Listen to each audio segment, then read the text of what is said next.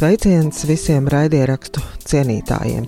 Šī ir ļoti, ļoti īpaša epizode, jo ar šo epizodi noslēdzās raidnīca, projekts, kas tappa apmēram pirms gada pavasarī, kad uh, man, Dacei Kreierē, bija vēlme iepazīt un uzzināt, kādi tad ir Latvijā radušies raidieraksti, kas tos veido, par ko tie ir un ar kādām grūtībām un arī prieku saskarās Latvijas podkāstu veidotāji. Tā nu ir raidnīcā tapušas 58 epizodes, un uh, tajās var dzirdēt dažādu raidierakstu veidotāju pieredzes stāstus un uzrunāt daudz jaunu par to, ko mēs varam klausīties. Latvijā tapušos raidierakstos. Paldies visiem Latvijas raidierakstu veidotājiem par jūsu atsaucību un vēlmi piedalīties raidnīcā un dalīties savos piedzīvojumos. Paldies visiem, kuri klausās raidierakstus. Un šajā epizodē gribēju nedaudz ieskicēt to, kas sagaida vai varētu kā attīstīties Latvijas raidieraksti, šajā gadījumā Latvijas radio paspārnē, tāpēc mana sarunas biedrene ir Anita Brauna, kas šobrīd Latvijas radio pilda galvenās redaktors pienākumus. Bet pirms ķeramies klāt lai runātu par gaišo nākotni, Andrejas Siliņa sagatavotie raidierakstu jaunumi. Labrīt, labdien, labvakar, vēl pēdējo reizi raidnīcas klausītāji. Tā kā šī ir raidnīcas pēdējā epizode, tad atskatīsimies uz to, kā mums gājis šī vairāk nekā gada laikā. 58 epizodēs pie Dācis kopumā viesojušies 72 viesi, bet vēl četri piedalījās bonusa epizodē, kas bija veltīta starptautiskajai podkāstu dienai pagājušā gada septembrī. Kopumā raidnīca piedāvā 2853 minūtes, jeb nepilnas 48 stundas satura. Raidnīca sakrāja vairāk nekā pussimtu sekotāju, jeb abonentu, bet to klausījās latvieši 28 dažādās pasaules valstīs. Visvairāk, protams, Latvijā, bet gana daudz arī apvienotajā karalistē un Norvēģijā. Pārsvarā mūs klausījās Eiropā, sveiciens tiem dažiem, kur mūs klausījās arī Amerikas Savienotajās valstīs, bet valstu sarakstā ir arī tādas visai eksotiskas valstis kā Taizeme un apvienotie Arābu Emirāti. Interesanti, ka raidnīcas auditorijā vairāk bija daļa dzimumu pārstāvis, Bet starp tiem, kuri klausījās raidnīcu Spotify lietotnē, vispopulārākie mākslinieki bija Prāta Vētra, Harijs Stails, Kendriks Lamārs, Kaņē Vests un Rolands Čē. Lielāko atsaucību ieguva raidnīcas 20. epizode, tajā ciemojās Annija no podkāsta Eitanāzija. Uz goda piedestāla bija arī 13. epizode ar Lauru no Cilvēku jaudas, un pati pirmā raidnīcas epizode pērnā gada 31. martā, kurā viesojās Laura Grēviņa, stāstot par savu podkāstu Pakluso. Nu, turpat, turpat ar koka medaļu pie piedestāla stāv Dāvis Freibergs no podkāsta Bize vaļā. Straujākais abonentu skaita pieaugums vienā dienā fiksēts pēc tam, kad tika publicēta epizode ar iespējams lielāko latviešu podkāstu arī pasaules mērogā Kristapu Andrēsonu, kurš stāstīja par saviem piedzīvojumiem, veidojot podkāstu The Eastern Border. Raidnīca ir viens no astoņiem Latvijas radio oriģināla satura podkāstiem. Uzmeklē un pamēģina arī pārējos, kā ir būt mākslinieks pie mikrofona, runājam par skriešanu ar Tomu Grēviņu, dokumentārijas, vai tas ir normāli, un divi Latvijas studijas veidotie podkāsti Puslopis un Simts Deči Latvijai. Ja kāds no tiem tevi uzrunā, nospied pogu sekot un ieliec piecu zvaigznīšu vērtējumu, vai arī iesaka kādam draugam. Un Latvijas rādio turpina strādāt pie jaunu, oriģinālu satura podkāstu izveides. Jau drīzumā gaidāms jauns stāsts podkāstā dokumentārijas. Tāpat tuvojas brīdis, kad būs gatavs 5LV podkāstu fabrikas jaunais raidieraksts. Sekojot Latvijas radio sociāliem tīkliem vai lietojot Latvijas radio aplikāciju, jaunumus noteikti nepalaidīs garām. Un šajā brīdī arī es personīgi vēlos teikt paldies, paldies Dacei par raidnīcu, un paldies tev, ka klausījies to. Tiekamies ētera viļņos un digitālajās ciparu virknēs, kas pārvēršas tavā telefonā klausāmā audio vielā. Ātā!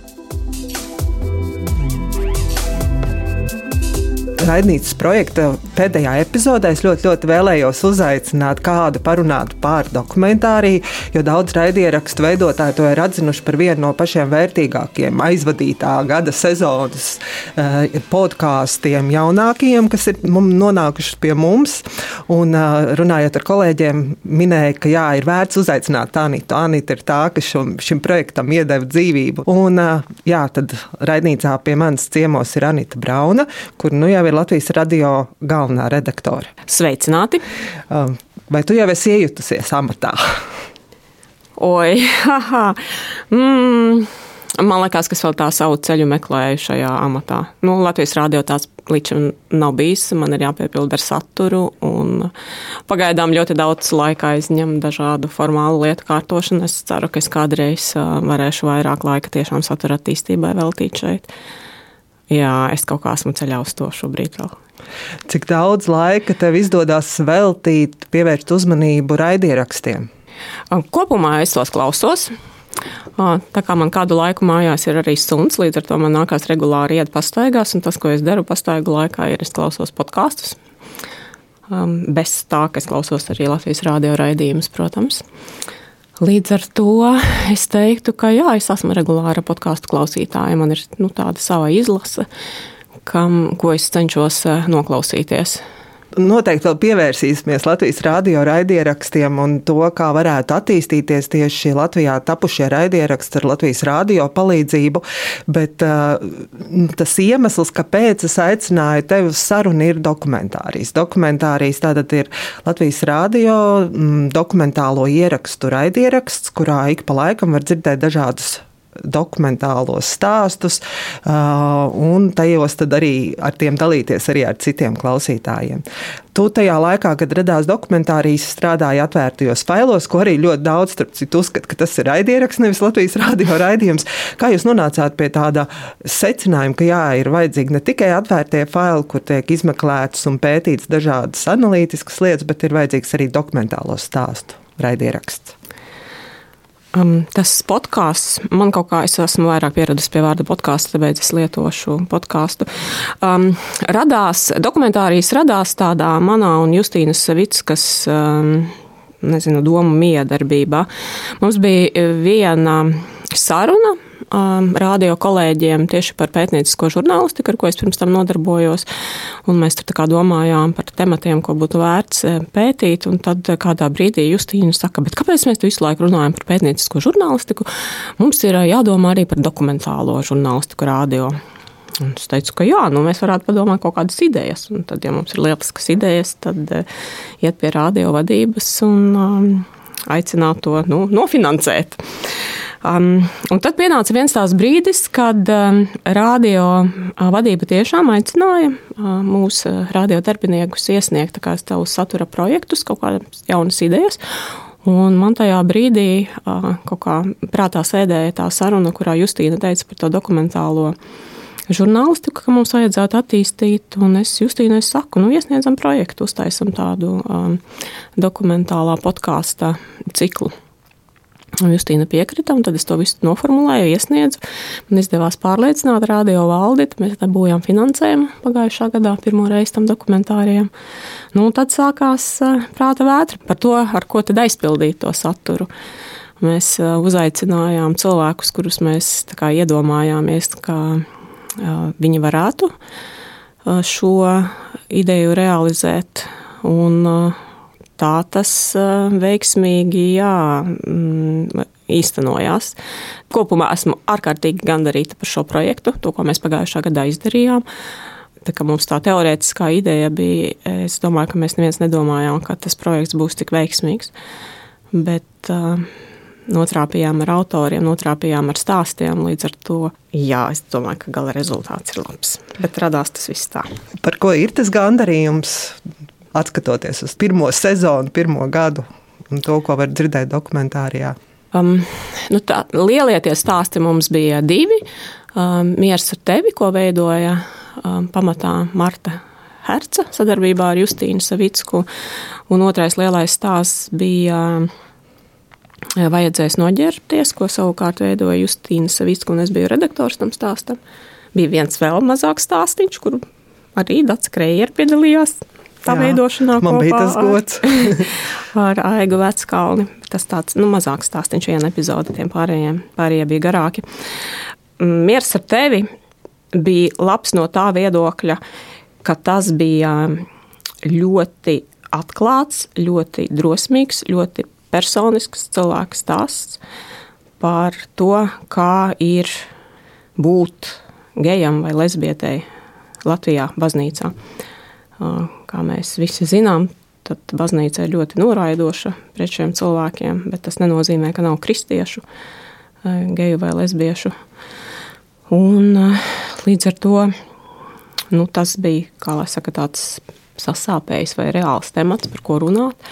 Un Martai izdevās to ļoti personiski pasniegt, izaicināt cilvēkus uz ļoti atklātām sarunām, un līdz ar to, tā tās sarunas ir atklātas, tad tās arī bija nu, ļoti aizkustinošas. Domāju, ka jebkuram, kurš noklausījās to stāstu, kaut kas sirdī aizķērās. Tas par miers ar tevi, un savukārt vajadzēs noģērbties, beigās izvērtās tāds drusku krimināls stāsts varbūt. Vajadzēs noģērbties atšķirās diezgan lielā mērā no miers ar tevi, ar to, ka tas ir vienlaikus arī pētniecisks. Tur ir ne tikai dokumentālitāte, bet Justīna arī reālas lietas ir izpētījusi. Un, nu, tā kā arī tas pats gadījums vai notikums pietiekami krimināls. Ja bija, varbūt mums te ir jāizstāsta, lai klausītājiem ir skaidrs, par ko runa. Tātad stāsts bija pie mums, pareizāk sakot, sākās ar to, ka pie um, pētnieciskā žurnālistikas centra Rebaltika aizgāja sieviete, sākotnēji viena, kura izstāstīja, ka kāds ārsts viņu mm, vizītes laikā ir nu, teiksim, tā, seksuāli izmantojis. Un, tad vēlāk tas atklājās, ka ir vairāk šādu sieviešu stāstu.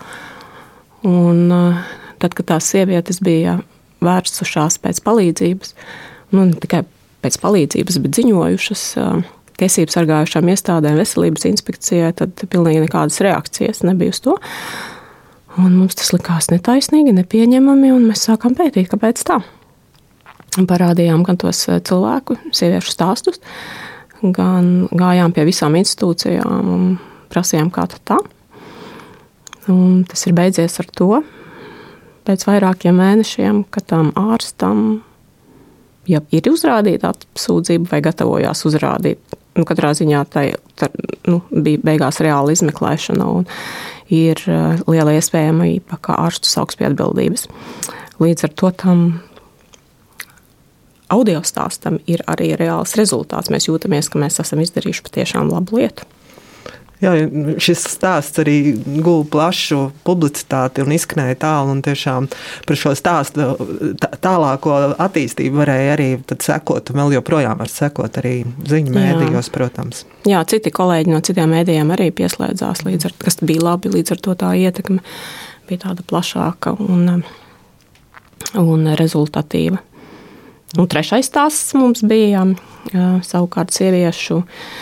Um, nu, tādi arī personīgi stāsti par to, kā viņas tiek galā ar diagnozi vēzis, kas arī bija nu, labs stāsts, vajadzīgs stāsts, un es ceru, ka tiem cilvēkiem, tām sievietēm, kuras iet cauri šādai diagnozei, kā tās sarunas, tās eh, citu sieviešu pieredzes eh, palīdzēja. Par to tas gandarījums. Par to tas gandarījums. Es ļoti, ļoti priecājos par to, ka arī top jau jaunu stāstu dokumentālo. Tātad pavasarī varēja dzirdēt Indras Frances dokumentālo stāstu, kas atvest ir no Ukrainas. Tūlīt, tūlīt uh, pirmizrādi piedzīvos atkal Martas Herces jauns stāsts par sievišķības meklējumiem. Un līdz ar to nu, tāds, tāds prieks, ka projekts attīstās un ka ir ļoti, ļoti dažādi šie stāsti, kas atkal jau tad varētu uzrunāt jau citus cilvēkus, kuriem varbūt tas tajā brīdī ir interesanti. Varbūt var ieskicēt par to, ka šāda dokumentāla stāsts top arī šajā gadā, un projekts turpinās tātad. Um, projekts turpinās, un es domāju, ka tas līdz šim ir bijis veiksmīgs. Tad mēs arī turpināsim nākamajā gadā. Jā, šobrīd šī gada stāsts, izņemot tos, kas, ko Indra Ukrainā sataisīja, um, pārējie vēl top. Man īpaši daudz detaļās negribās šobrīd stāstīt, par ko tie būs. Bet uh, es, es jau esmu teikusi, ka mums tas sākums izdevās tik lielisks, ka tad, kad uh, šogad mēs uh, domājām idejas.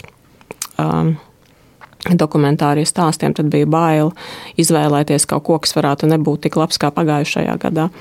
Līdz ar to mēs to latiņu esam tik augstu uh, uzslējuši sākumā, ka tagad galvenais ir um, nu, jā, noturēt to augstumu un uh, piepildīt ar saturu tos stāstus.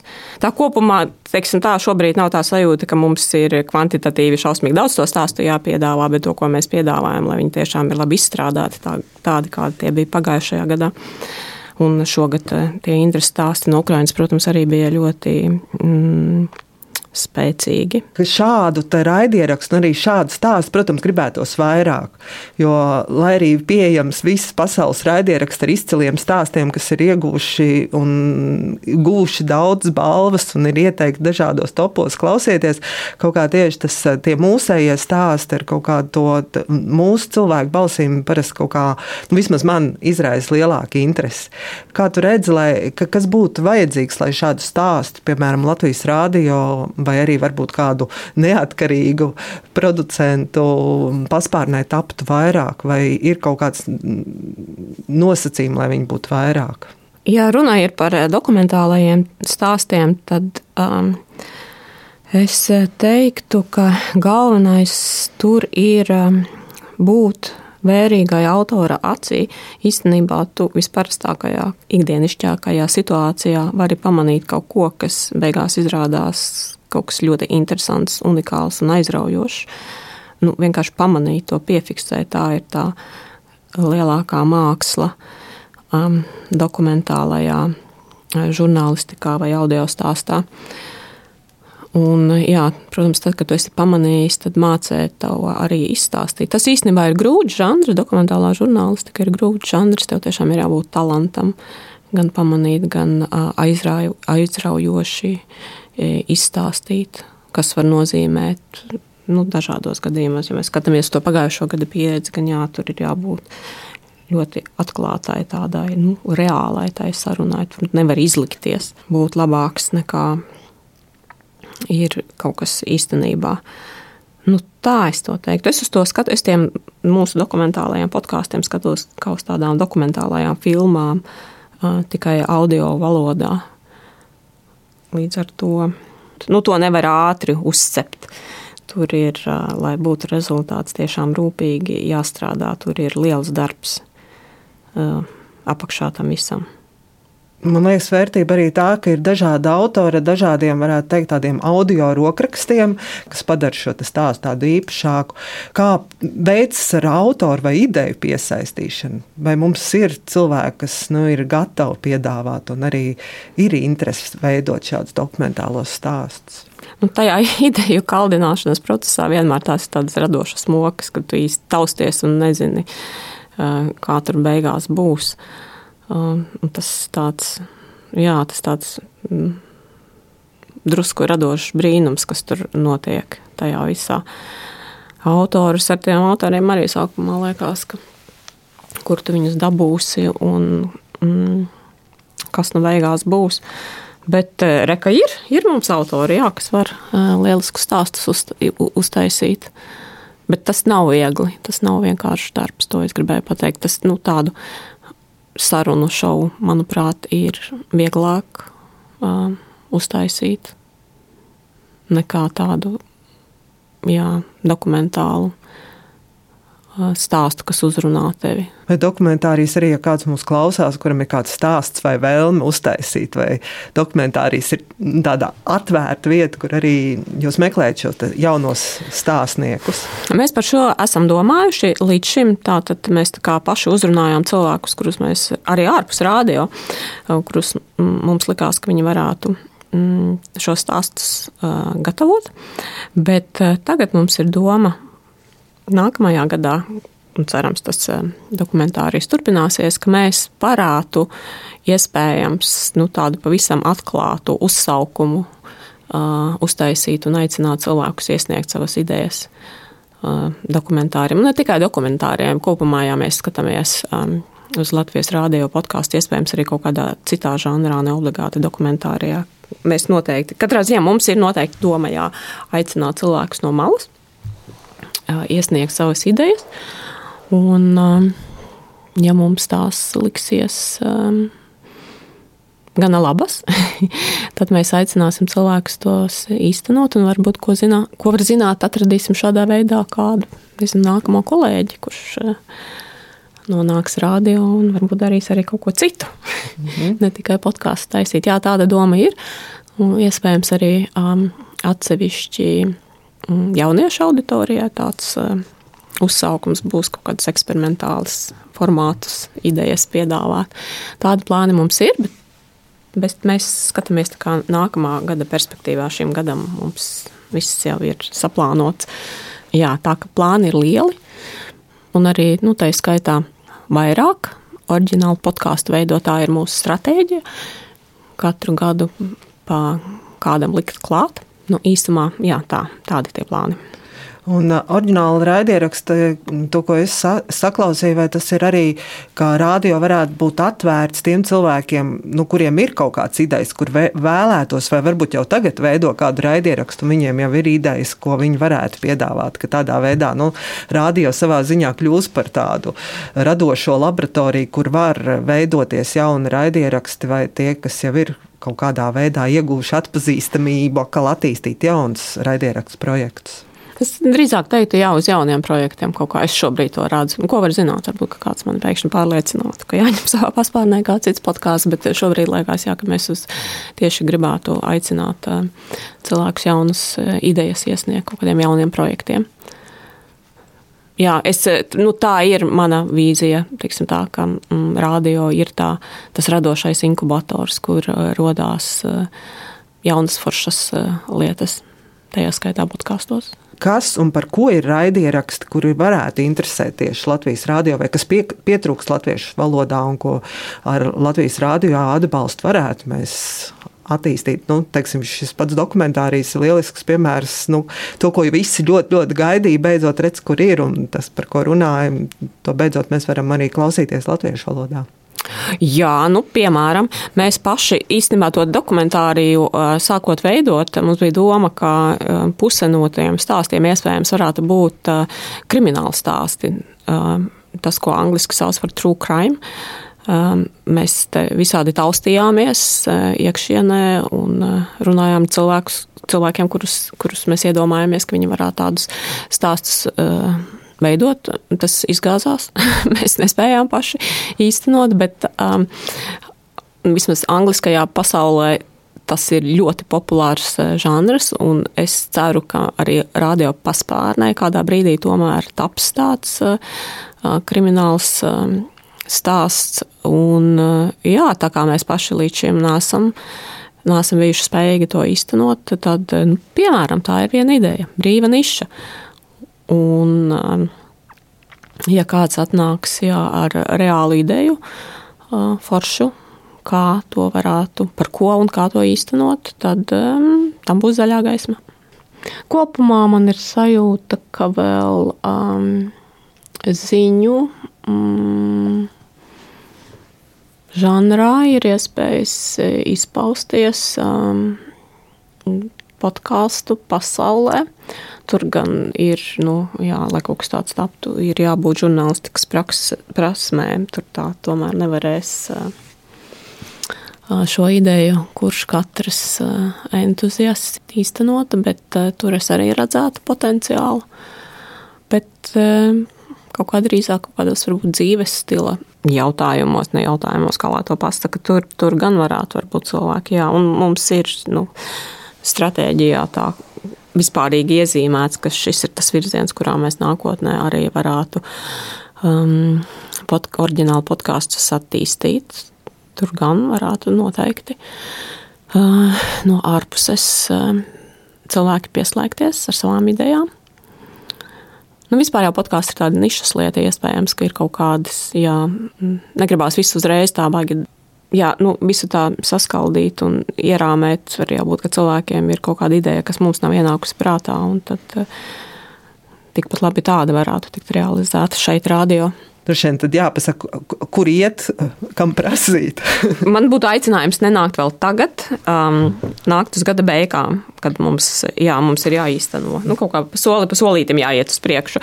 Vispirms jāīsteno esošās idejas, un mums ir um, liels priekšā notikums Latvijā vēlēšanas šā gada rudenī, kas mums prasīs daudz resursu un, un plānošanu un tam līdzīgi. Un tad pēc tam vēlēšanām tad mēs varētu sākt domāt par nākamo gadu un jauniem podkāstiem un tam līdzīgi. Um, mēs izziņosim noteikti, ka jau kā mēs uh, mūs sadzirdēs potenciālā podkāstu veidotāji, radio um, profīlos, dažādos sociālajos tīklos, uh, nu, iespējamos citos veidos. Mēs noteikti to noziņosim, um, kad tās durvis ir atvērtas. Kā, kā tu pati sajūti runājot ar radio cilvēkiem, vai ra, tie, kas strādā priekš radio, ēteru, veido radio raidījumus, viņi raidieraksts redz kā sabiedrotos vai konkurentus? Es domāju, ka mēs īsti kā konkurence, ne, es nezinu, nu, man grūti runāt visu to 300 cilvēku vārdā, kas strādā radio, bet man nav sajūta, ka vi, to mēs kā konkurenci uztvertu. Mēs uh, paši esam lieli podkāstu veidotāji, nu, respektīvi arī um, lineārajam ēteram veidotie raidījumi ir pieejami podkāstu formātā.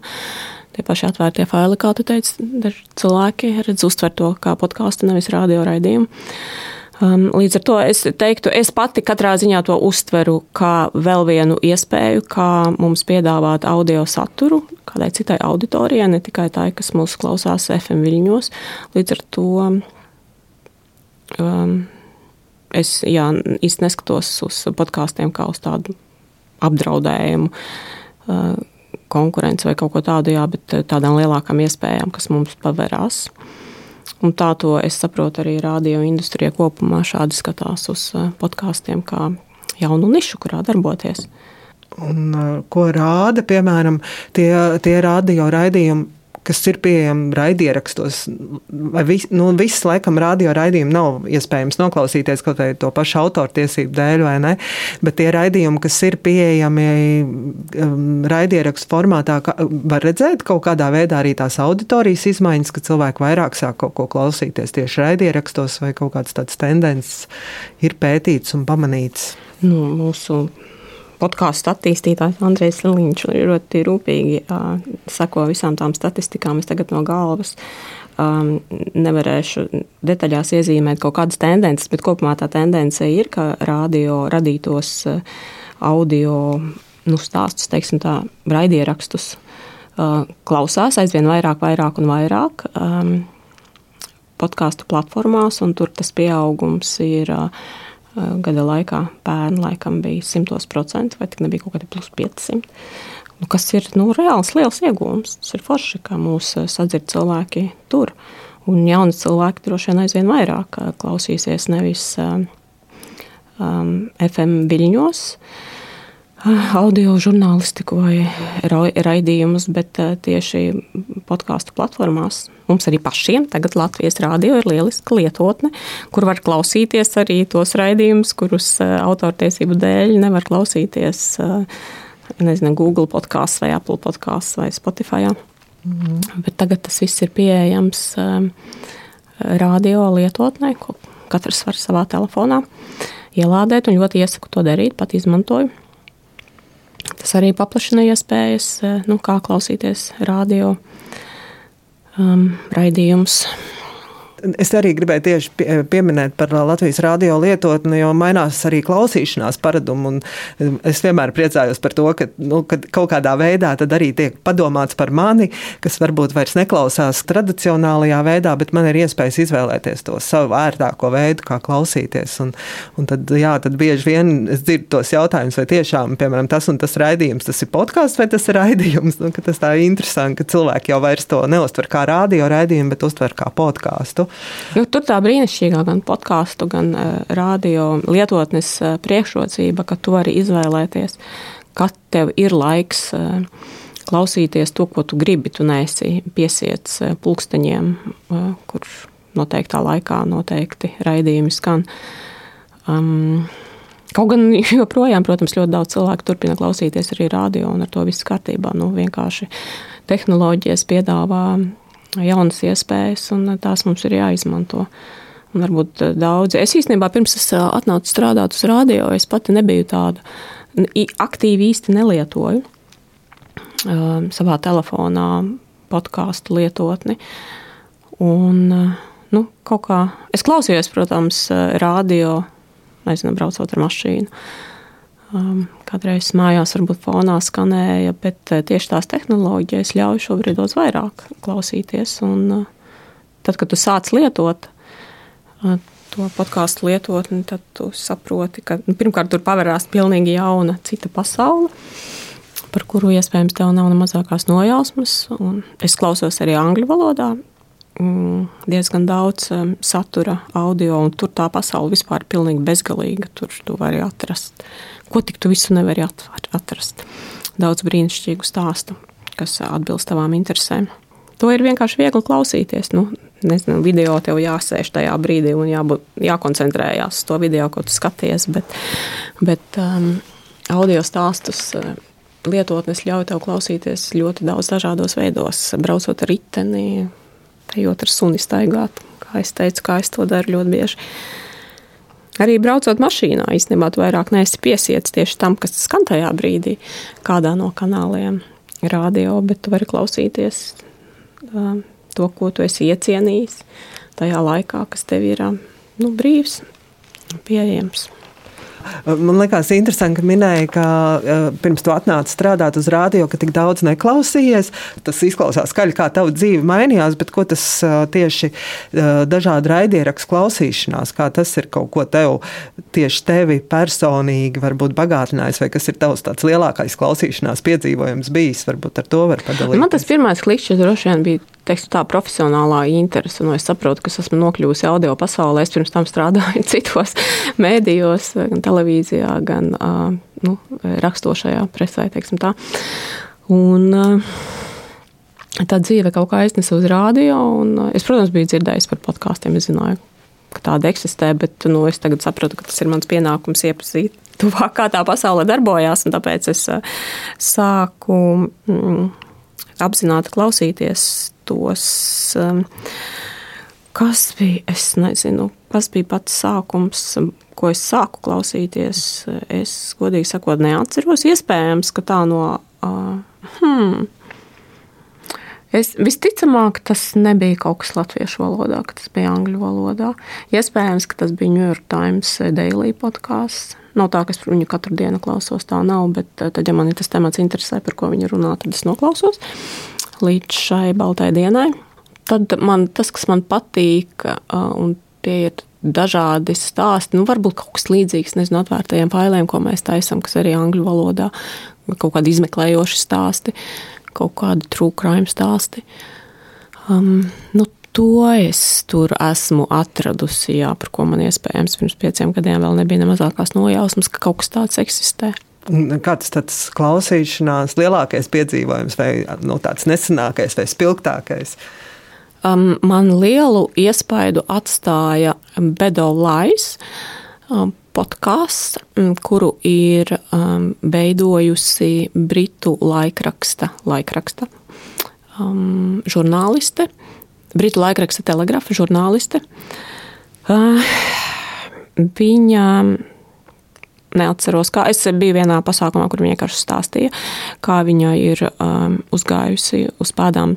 Mm, vai kā viņa radījusi to stāstu? Es neatceros pats pats sākums, kā, kā, kā tas skandāls tapa zināms viņai, bet viņa uztaisīja mm, vairāku sēriju stāstu par uh, to, kā britu spiegi savulaik um, kā lai saka, salauza sieviešu sirdis. Nu, respektīvi, viņiem bija uzdevums mm, izpētīt uh, kaut kādas kreiso, laikam, protestētāju kustības. Tas bija, jā.